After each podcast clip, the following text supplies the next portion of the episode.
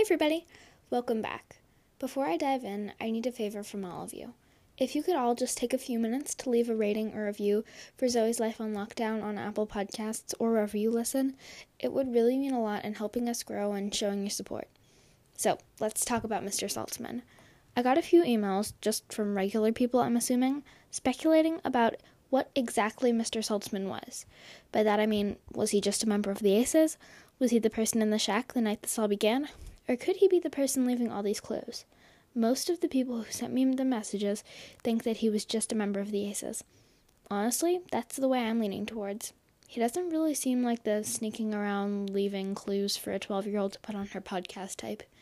Especially since, as far as I can tell, the Aces stopped meeting a while ago.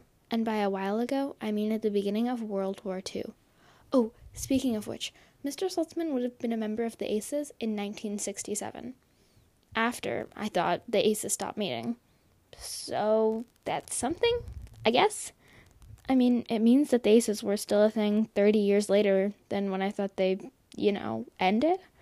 But I also got one email from a listener who thought that Mr. Saltsman was the person who turned on the light in the shack.